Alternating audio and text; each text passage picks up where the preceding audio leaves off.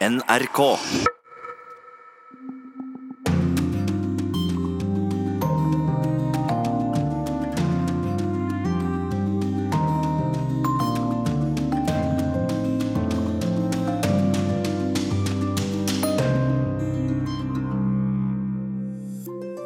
Demonstranter i gule vester strømmer nå inn til Paris.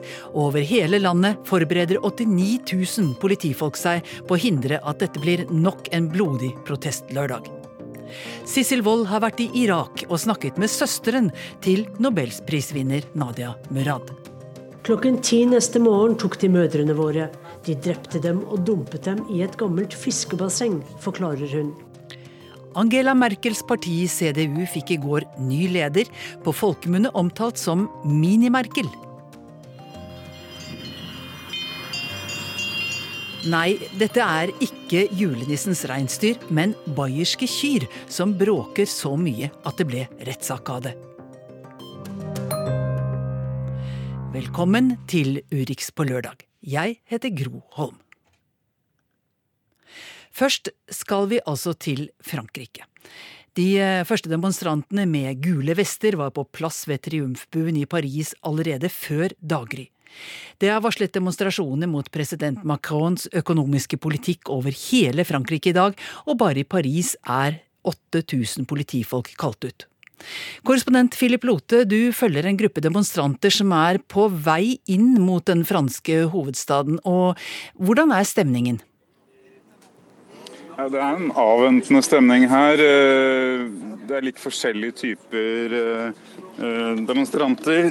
Det er én gruppe som jeg tror kommer til å ganske hardt til verks og prøve å søke konfrontasjon med politiet. Og så er det andre som er, sier at de er mer passive og er med for å støtte, støtte saken. og Snakker bl.a. med to ungdommer som sitter ved siden av meg her, Thomas og Valentin, som eh, er med for første gang. De har ikke vært med i de tidligere demonstrasjonene, men Valentin fortalte at han bor med sin bestemor, og hun sa hun fryktet at eh, de rettighetene hun har kjempet for, vil ikke barnebarnsgenerasjonen få. Og så Han sier at han reiser til Paris for å kjempe for de rettighetene som bestemoren hans har kjempet frem. I forrige lørdag så ble jo biler satt i brann. 132 eh, mennesker eh, såret. Eh, det var masse blod i gatene, bokstavelig talt. Hvordan er det ventet at det kommer til å utvikle seg denne gangen? Ja, da vi kom bort på bussen, så kom politiet for å uh, stanse Eller de stanset uh, ombordstigningen, rett og slett, og sa at alle måtte ransakes uh, før de gikk om bord. Det var ikke lov å ta med seg gassmasker uh, eller masker som dekket ansiktet, eller briller som dekket ansiktet, eller selvsagt heller ikke slagvåpen eller andre våpen som kan utgjøre en fare. og Politiet sa også at, eh, til oss at de trodde kanskje sammenstøtene denne helgen kunne bli hardere og tøffere enn forrige helg. Også fordi at eh, de hadde fått rapporter om at det kom såkalte black blocs, altså anarkister, eh, antikapitalistiske aktivister fra andre land som Tyskland, Portugal og Italia, som ville slutte seg til demonstrasjonene. Så politiet er i det minste bedre forberedt denne helgen, og de tror det kan gå ganske hardt for seg. Hvordan har myndighetene i, i Paris og, og befolkningen der forberedt seg på demonstrasjonene i dag? Politiet har jo utplassert eh, som du sa, 8000 eh, opprørspoliti i eh, hovedstaden Paris. Mange av dem står rundt og ned langs Champs-Élysées, Paradegaten. Og Triumfbuen er omkretset, omsirklet av, av, politi. Så der tok jo demonstrantene seg inn forrige helg. Det er ikke sikkert at de kommer så langt. Denne gang i tillegg så er jo alle butikker ned eh, Champs-Élysées stengt. Også Galleri Lafayette, det store eh, magasinet, berømte magasinet i Paris, vil holde stengt, selv om det ligger et lite stykke unna der demonstrantene hadde sin eh, base og mm, holdt på aller mest forrige helg. I tillegg så er museer stengt, Louvre er stengt, Eiffeltårnet er, er, er, stengt. Sånn at det er en litt annerledes førjulshelg i Paris denne lørdagen her. Eh, president Macron har jo kommet demonstrantene i møte og faktisk utsatt prisøkningen på diesel, som jo var årsaken til at man begynte å demonstrere. Hva, hva er det de krever nå? Det han har gjort, er utsatt den eh, først for seks måneder, og så har det vel også kommet beskjed om at den ikke kommer på 2019-budsjettet. og det, det, de krever, er at diesel- og bensinavgiften blir bare vi har problemer med, med, linja til Philip Lote, som altså er, sitter på en buss på vei inn til Paris sammen med, eh, med folk i gule vester som skal demonstrere. Og vi kommer til å høre mer fra Philip Lote utover dagen.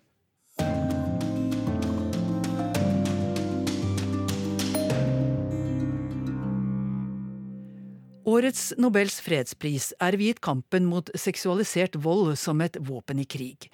Den lille folkegruppen jesidier var særlig utsatt under IS sitt terrorstyre i Irak.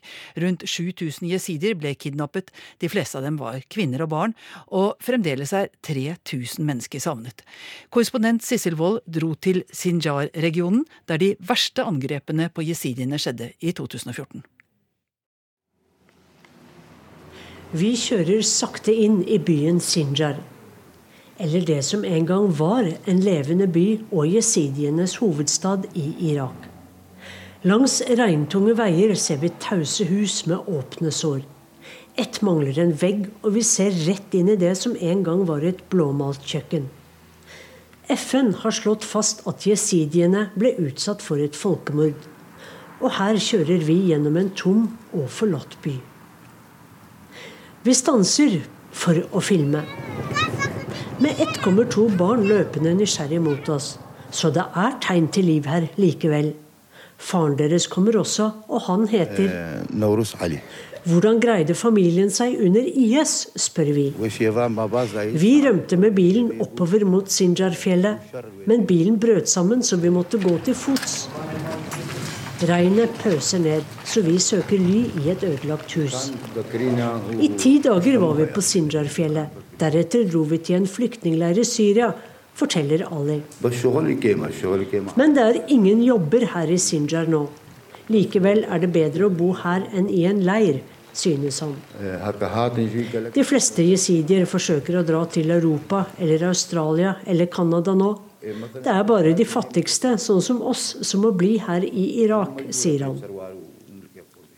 Da IS kom kjørende inn i Sinjar-området i august 2014, ante ingen hvilken katastrofe som ventet dette lille folket. I Kujo, hjemstedet til Nobels fredsprisvinner Nadia Morad, jaget de hele befolkningen inn i skolebygningen. Det var en forferdelig dag. De plasserte kvinner og barn i annen etasje og mennene i første.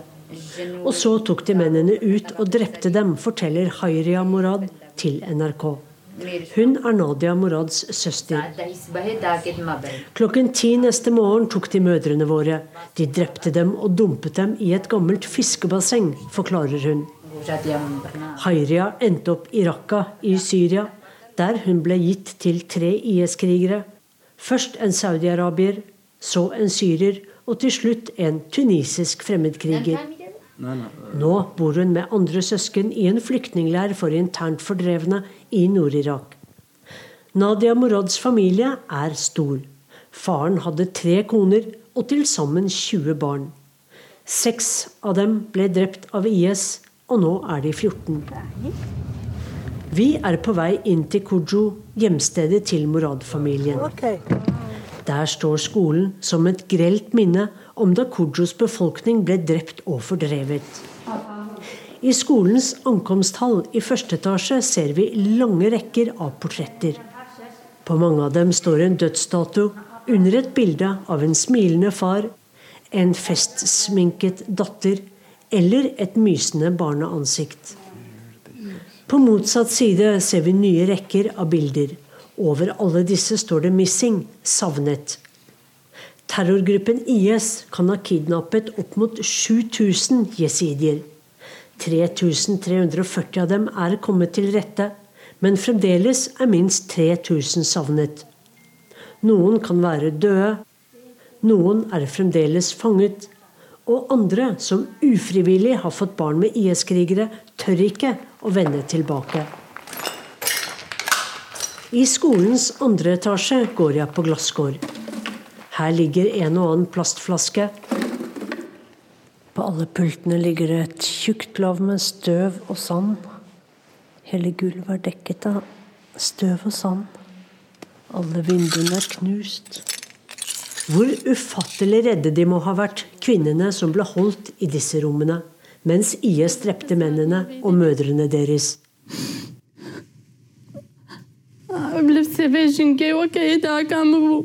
Ingen som så Nadia Morad i programmet Urix på NRK i 2016, glemmer det. Hun fortalte først rolig og fattet hvordan hun ble solgt og voldtatt av flere IS-menn. Men da hun fikk se et bilde av en eldre jesidi-kvinne i hvit, tradisjonell drakt på storskjermen i studio, brøt hun helt sammen. For det var slike klær moren hennes gikk med.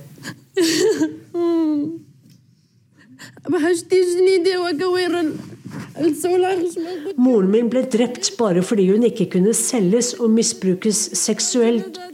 Men hun var helt uskyldig, gråt Morad.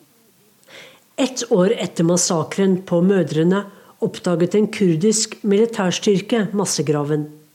Sikkerhetssjefen for Sinjar-distriktet, Kasim Shimo, sa til den kurdiske TV-stasjonen Rudav at det ble funnet kvinneklær, langt hår og damesko i graven.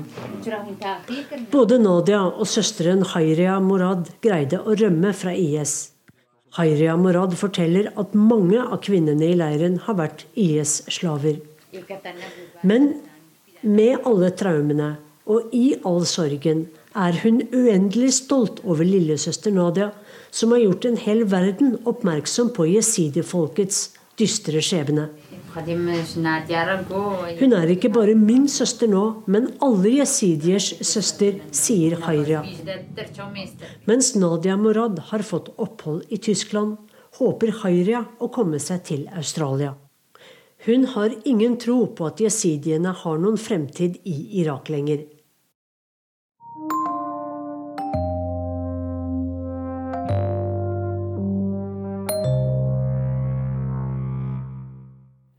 Nå til eh, Tyskland, for i går gikk Angela Merkel av som leder for det kristeligdemokratiske partiet CDU.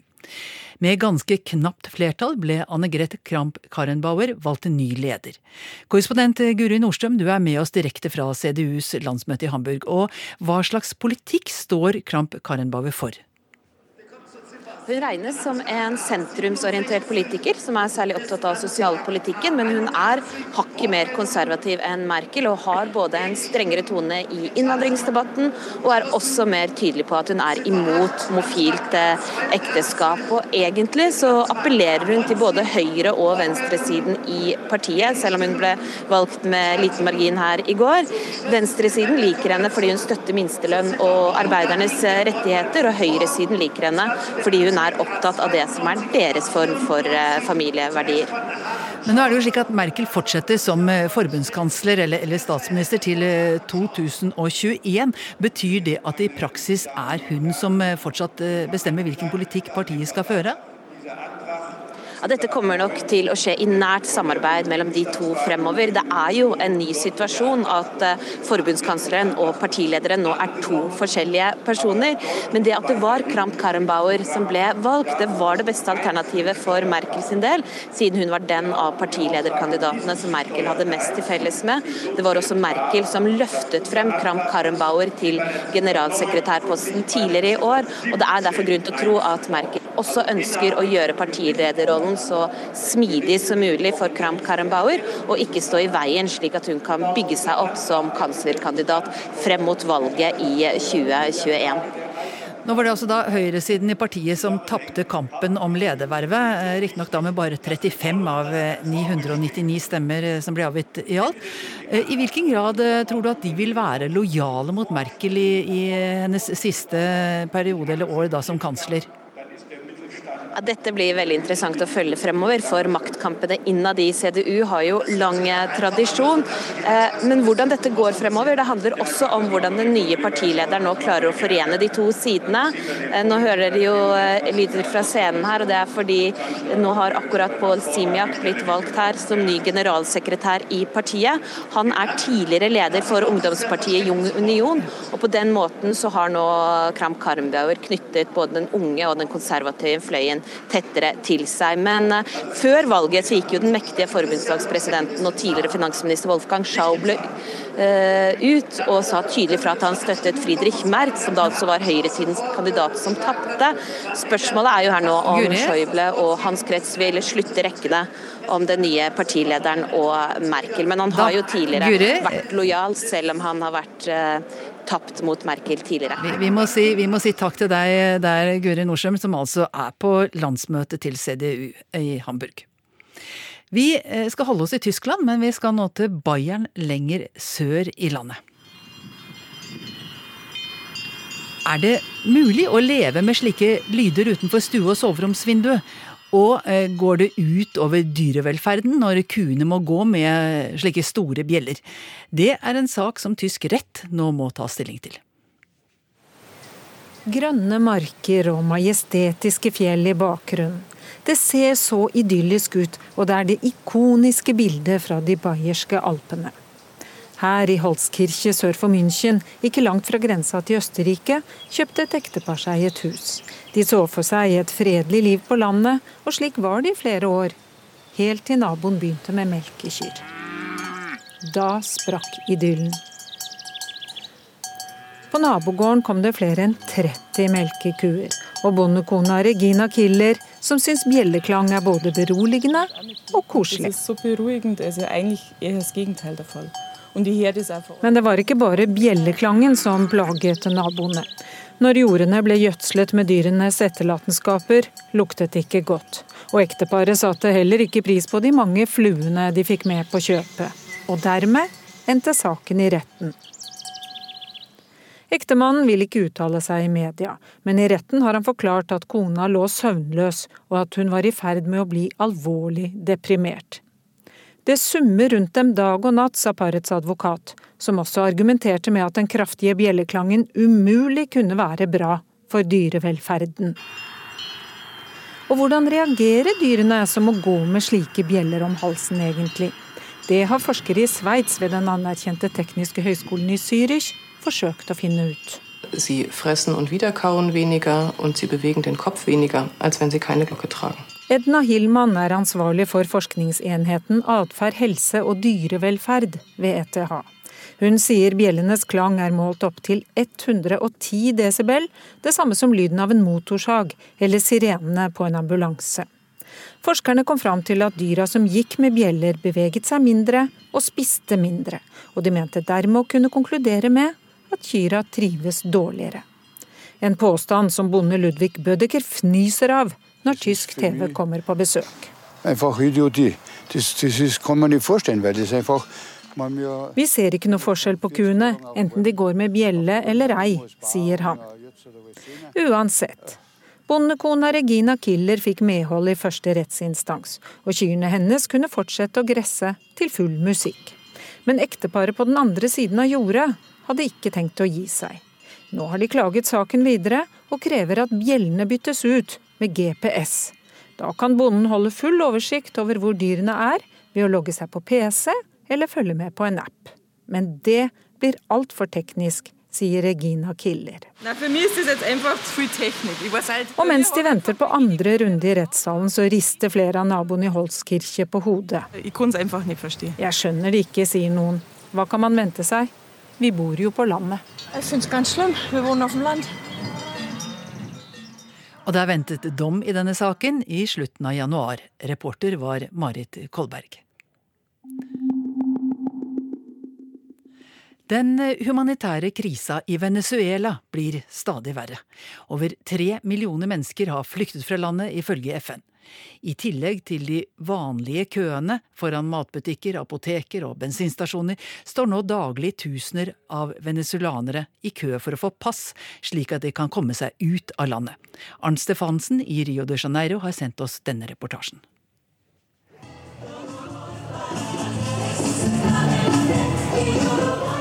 De har gått i dager og uker og lidd mye for å komme hit til Colombias hovedstad Bogotá. De er flyktninger fra en sosial katastrofe i hjemlandet Venezuela, og de blir stadig flere. Noen hundre av dem deltar i en katolsk utendørsmesse på den såkalte verdensdagen for de fattige, innstiftet av paven. Her får de mat og drikke, klær og andre gaver som skal gjøre det lettere å starte et nytt liv. Vi takker dem fra dypet av våre hjerter, sier flyktningen José Gutierrez. Vi trenger all den hjelpen vi kan få, for vi er i en fortvilet situasjon. Hjemme er det ingenting å leve av, sier han. Utviklingen i Venezuela har ført til den største flyktningkatastrofe her i Latin-Amerika på svært lenge. The number of refugees and migrants from Venezuela worldwide has now reached 3 million. Tallet på flyktninger og migranter fra Venezuela har nå nådd tre millioner, sier FN-talsmann Faran Haq.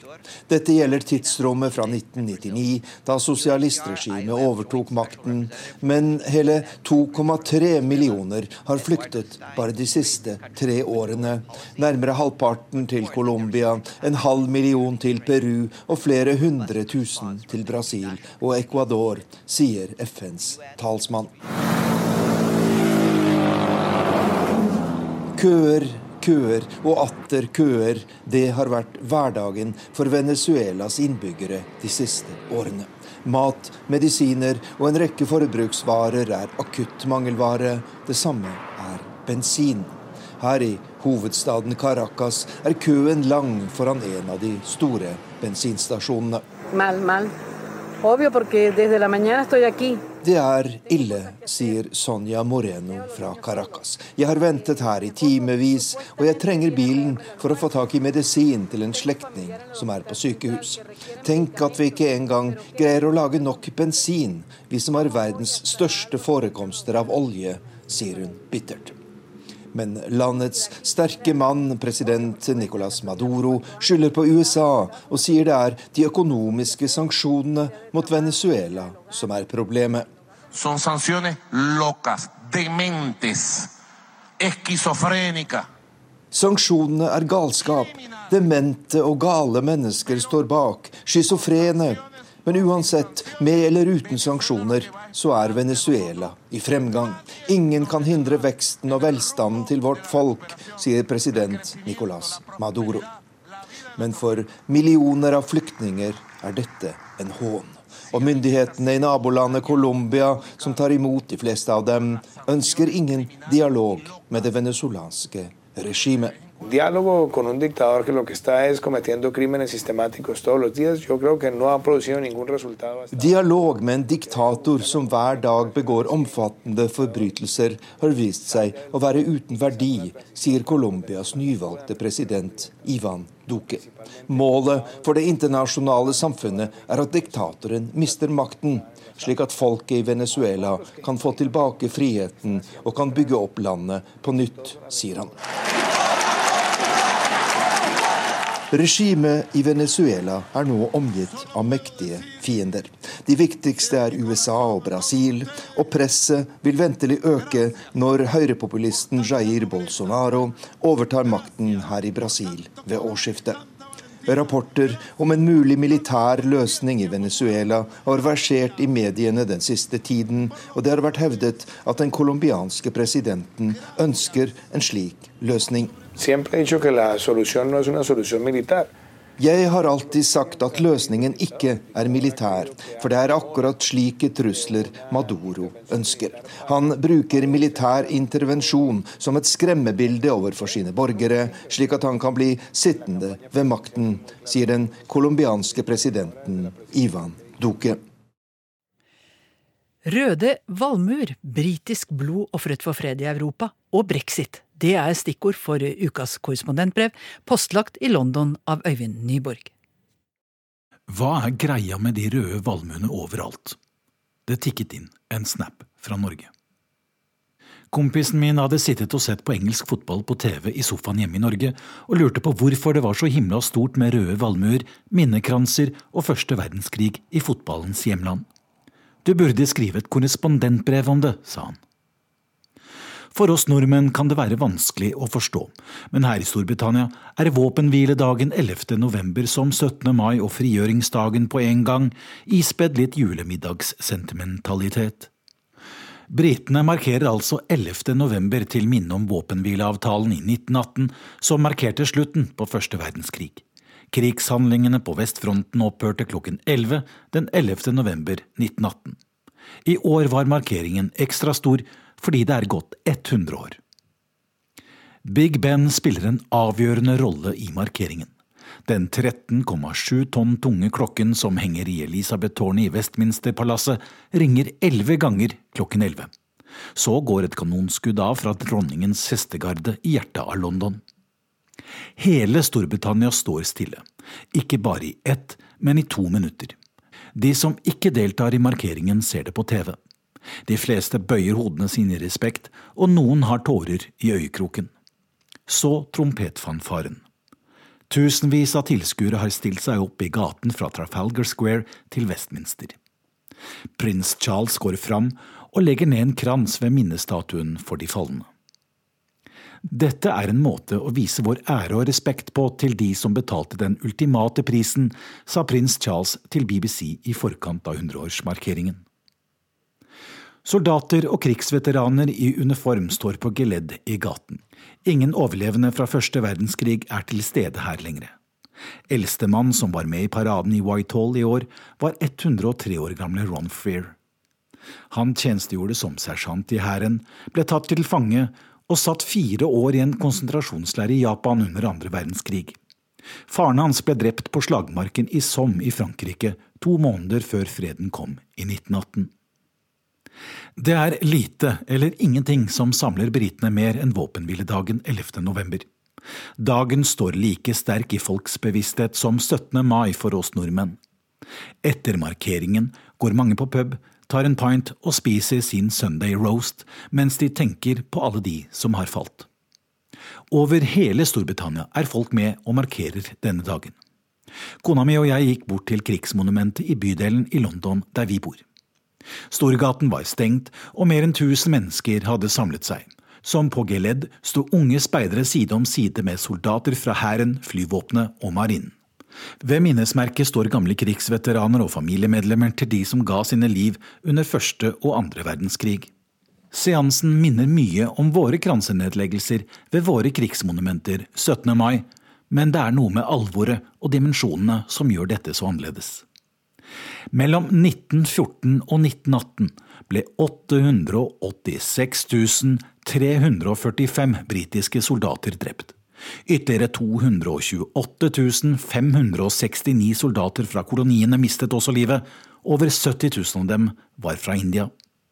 Det betyr at mange har en far, en bestefar eller oldefar som enten døde, ble skadet eller kom hjem fra krigen med granatsjokk.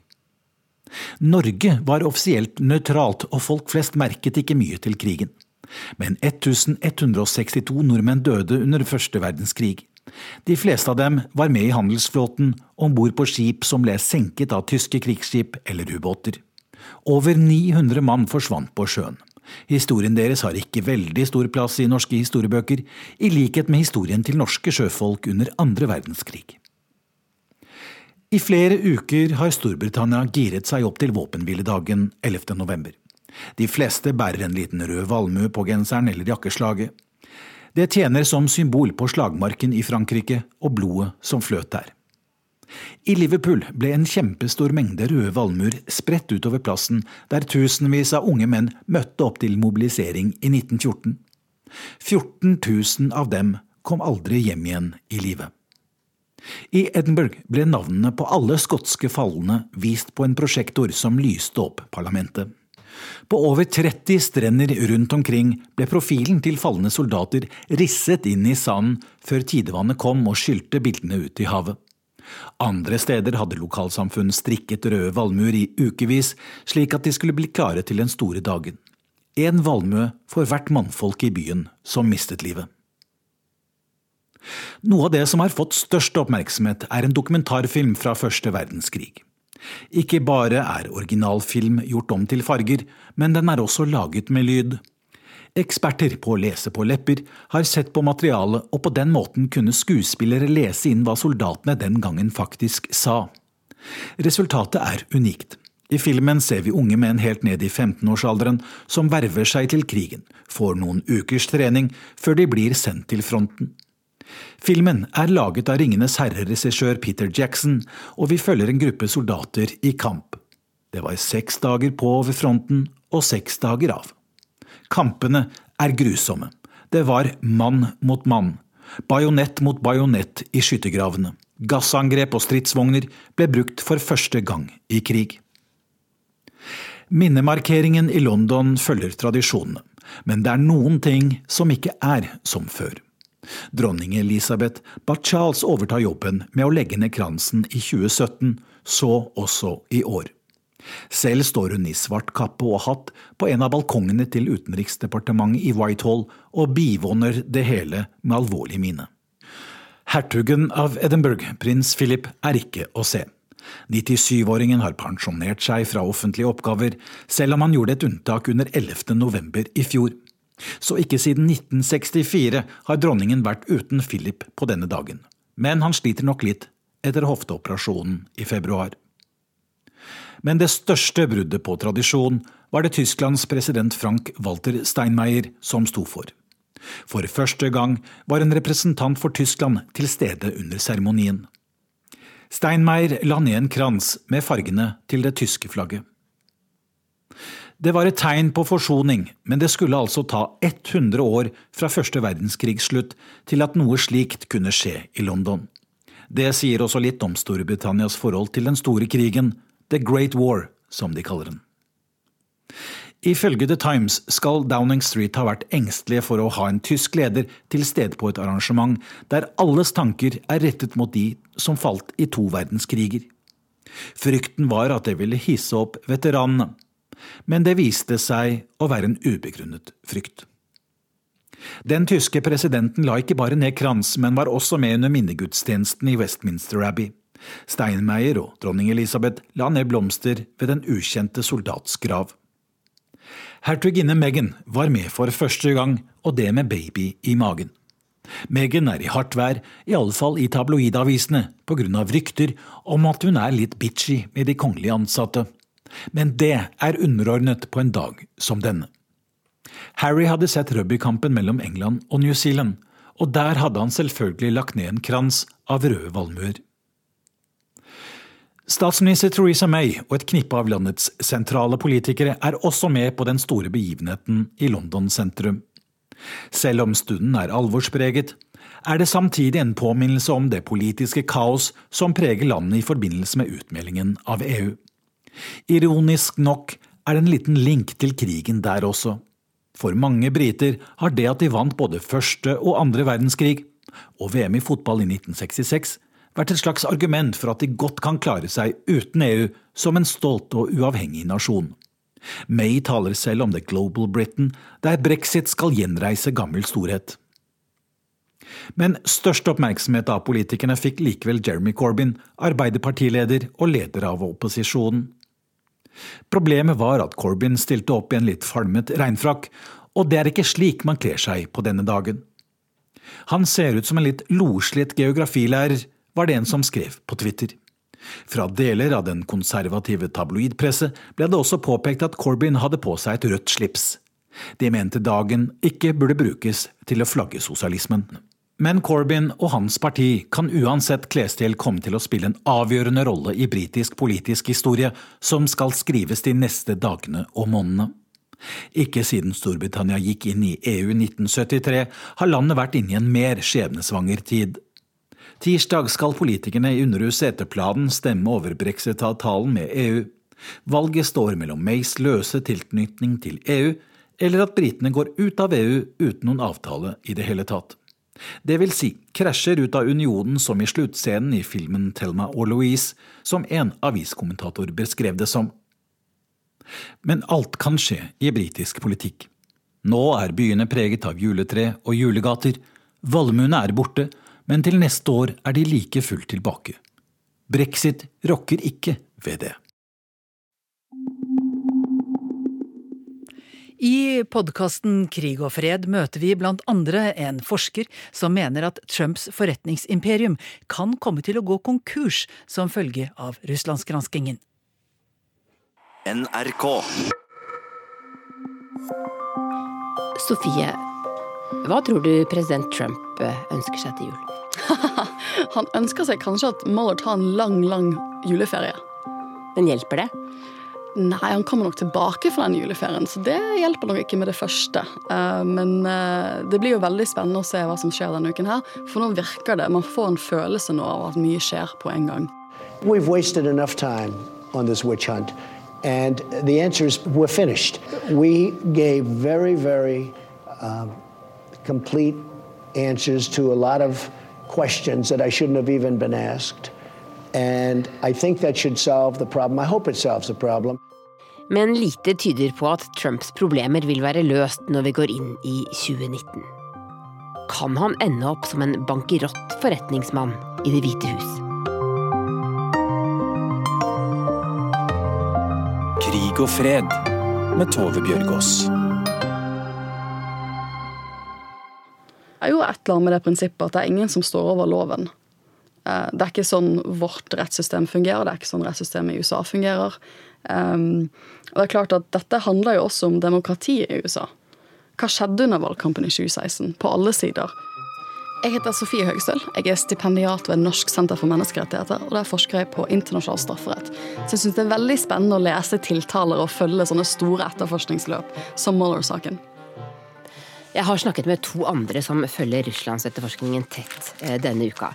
Den ene er en svensk økonomiprofessor i Washington som mm -hmm. kjenner Paul Manafort, og som også selv har jobbet som rådgiver for russiske politikere. Og den andre er en historieprofessor på Yale som har skrevet mye både om Putin og om eh, ja, han og andre politiske eh, tyranner.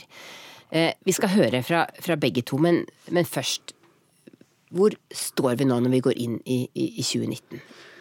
Jeg tror nok at det er vanskelig å spå fremtiden. Amerikansk politikk virker å være så uoversiktlig nå at det er liksom vanskelig å gjøre en sånn samtidsanalyse. Men jeg tror nok vi ganske trygt kan si at Mueller-etterforskningen vil prege 2019.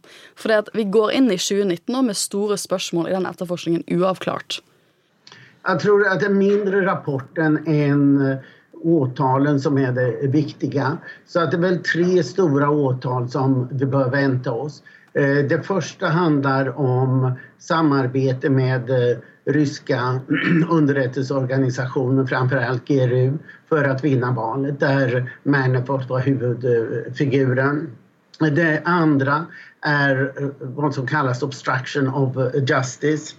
Att förhindra att rättvisan har sin gång som är direkt mot Trump. Och det tredje är en eh, organiserad brottslighetsanklagelse mot eh, eh, Trump-organisationen och Trump-barnen för penningtvätt och deras allmänna affärsmetoder.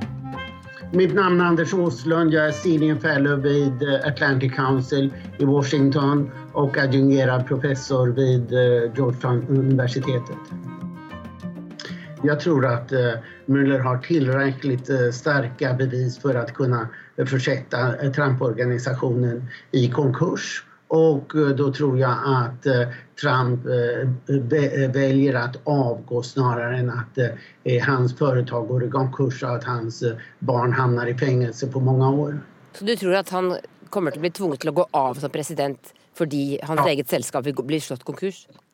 Ja, det er hva jeg ser som det, det troligaste.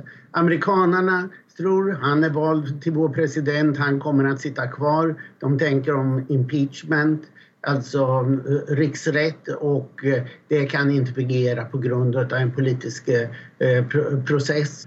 Men Forklar dette for meg. Hvorfor skulle Müller kunne sørge for at Trump går konkurs? På grund at Eh, Trump har regelmässigt brutit mot alla lagar. Framförallt tror jag att man kan sätta dit honom för penningtvätt eh, i eh, fastighetsbranschen där lagarna i USA är rätt svaga. Trump-organisationen har dömts för penningtvätt två gånger men det har varit hans kasino.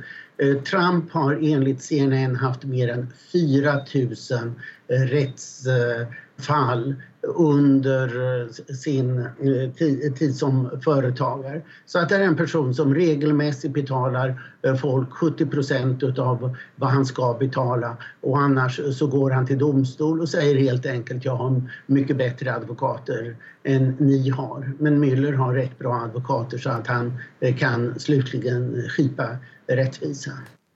En rekke personer er allerede tiltalt av Robert Mueller. Hva slags folk er det Trump har omgitt seg med? Det her er personer som vil ta seg fram og som ikke har noe eh, samvete. Og eh, Trump har samlet på seg de aller verste, de, eh, de riktige skurkene. Så Trump er sådan selv, så derfor så vil han ha liknande folk omkring seg, og de søker seg til honom. Kan du beskrive et par av disse personene?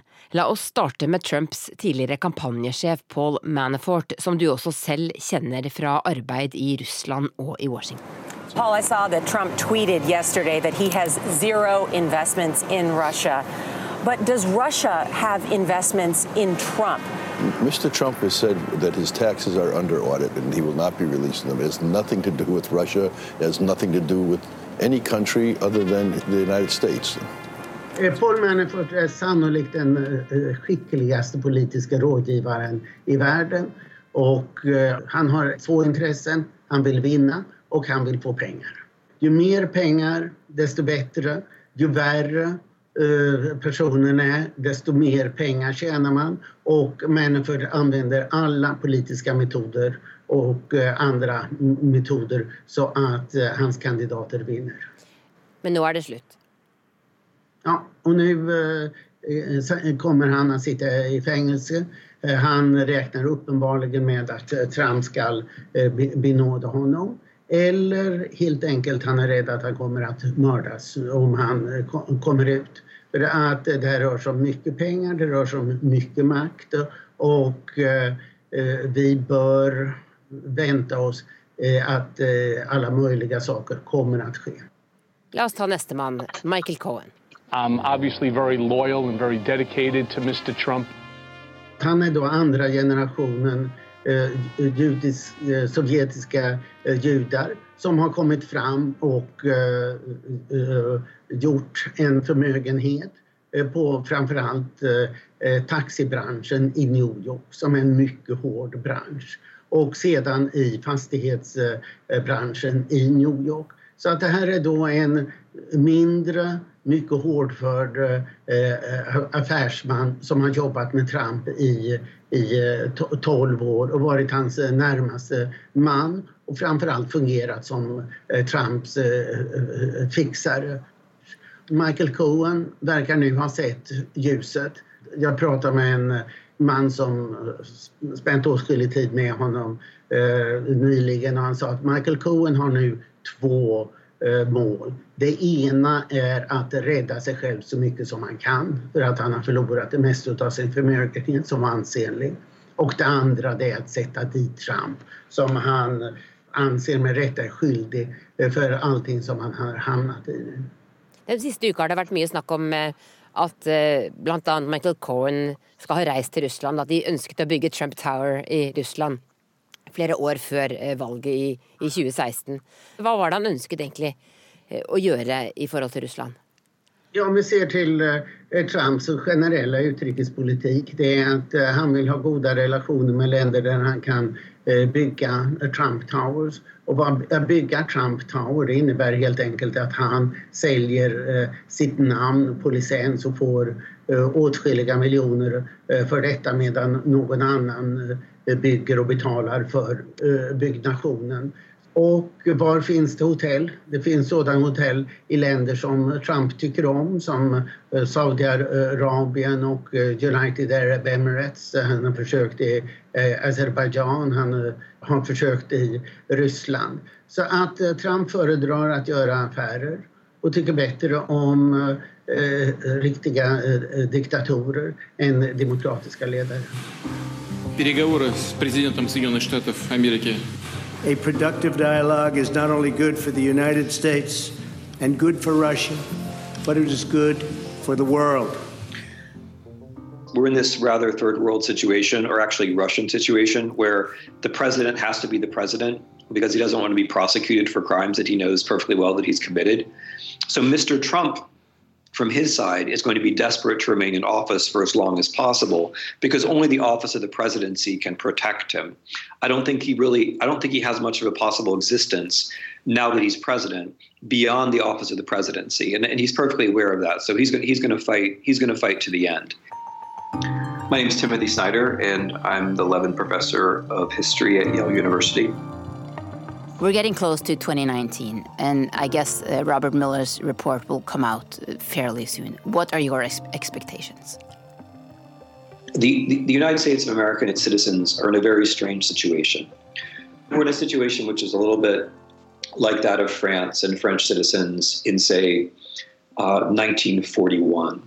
Something has happened to us, and it's very difficult to accept it. So, in the case of France, the Germans were able to defeat the French army in six weeks.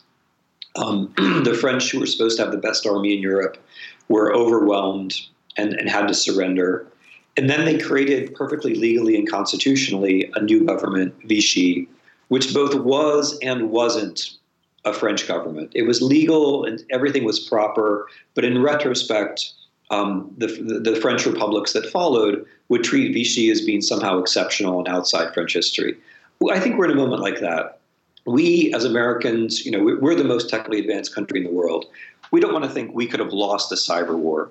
We don't want to think that in 2016 something strange and awful happened to us. We're still really in a daze about that.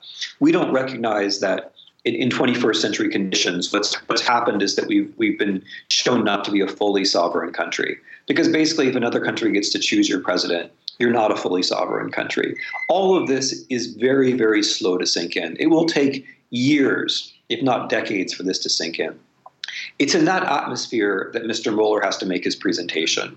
What I, what I think is going to happen is that the Mueller report will contain enough, um, especially as other things start to go wrong, which they will, to persuade a few a few percentage points, let's say you know three percent, five percent of the American population, that something's deeply wrong here.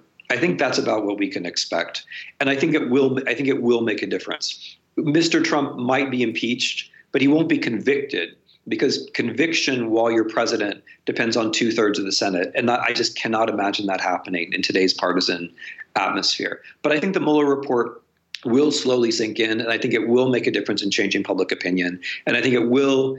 I think it probably more than anything else that plus what we already know about Mr. Trump and Russia will end up historically being what defines Mr. Trump as a president. That is, the first American president who was chosen with the active support of a foreign power and who invited and accepted that support. I think in you know when, when Mr. Trump gets a one sentence summary in short history books in the future, I think that's what it's going to say. You are uh, in Vienna right now, but you've worked a lot on Russia, and that's also what your latest book. Uh, the road to unfreedom is about. What do you think uh, Russia's or Putin's larger project is here internationally? Does he have a goal for the for the world in, in terms of being an ideological uh, leader? It's a very 21st century goal. I mean, it's it's it's very much a goal of having to do as little as possible. Um, I mean, if the 20 if the 20th century was was defined by big political projects with great ambitions, including terrifying political projects with terrifying ambitions, the 21st century, at least so far, is is is characterized by passive aggressive political projects, by political projects that are just against something, or in the case of Mr. Putin, political projects which are about destroying what other people have. So Russia does not really have an ideological vision it wants to impose on the world what Russia has is an elite that is fixed in place and that owes its money and its power to hydrocarbons, to natural gas, and to oil. And what that elite wants is for nothing to change. That elite cannot allow for um, it cannot allow for social advance in Russia. There's not really the rule of law in Russia. Uh, that elite does not know what's going to happen after Mr. Putin dies, therefore, it can't talk about the future.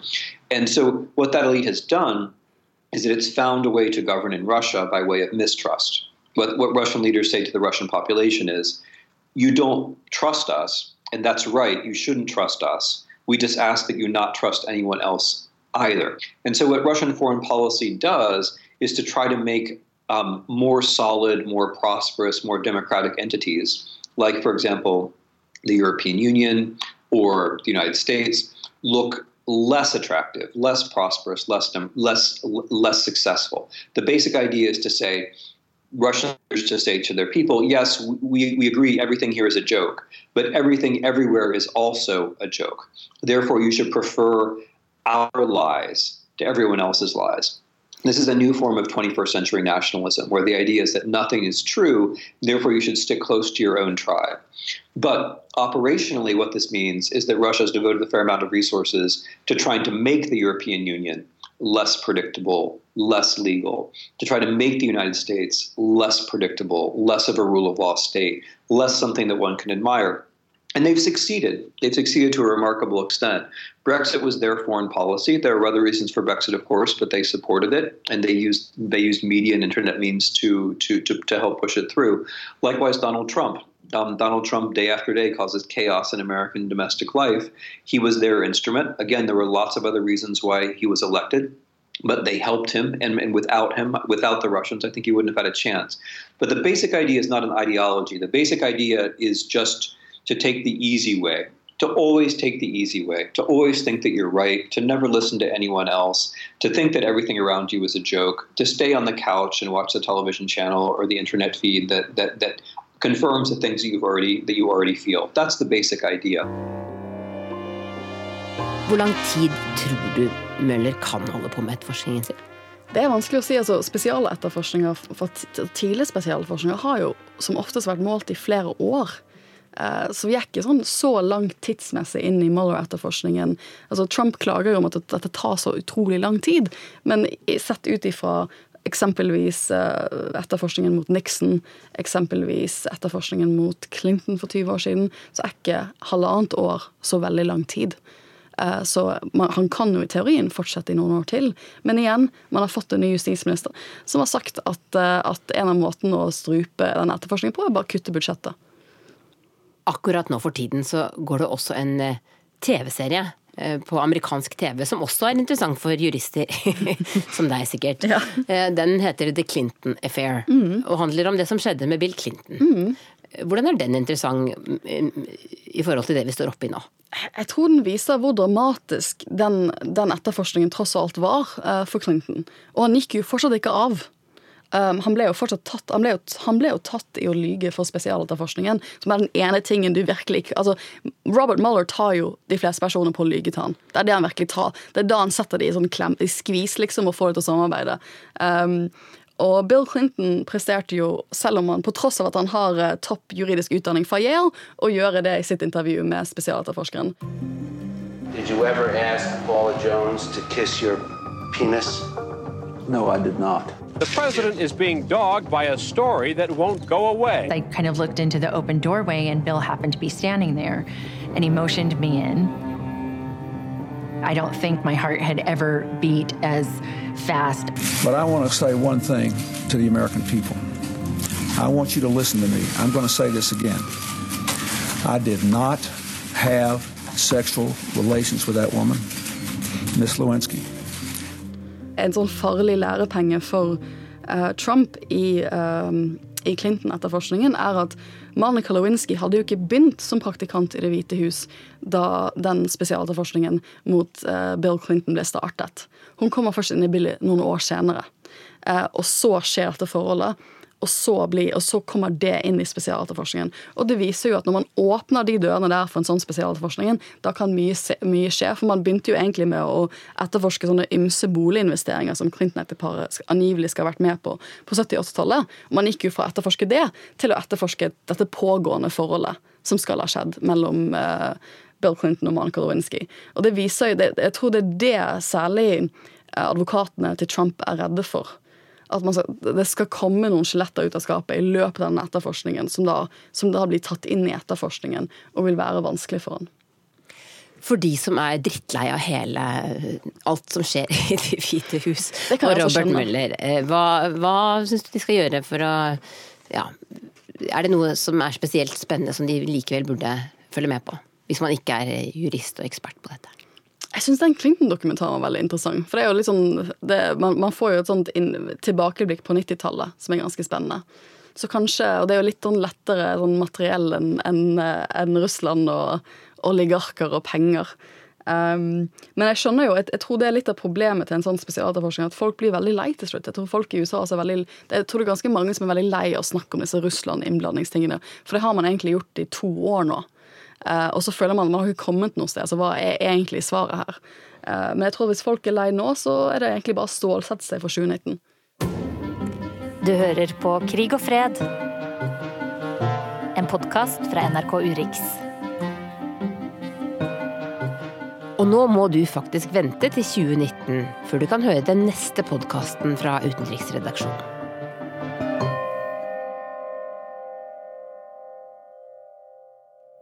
Og i går ble det kjent at Trump var informert av sin tidligere advokat Michael Cohen om at forhandlinger om å bygge et Trump Tower i Moskva pågikk langt inn i presidentvalgkampen. Men nå er denne Urix på lørdag slutt. Teknisk ansvarlig Lisbeth Sellereite, produsent Morten Røkeberg og her i studio Gro Holm.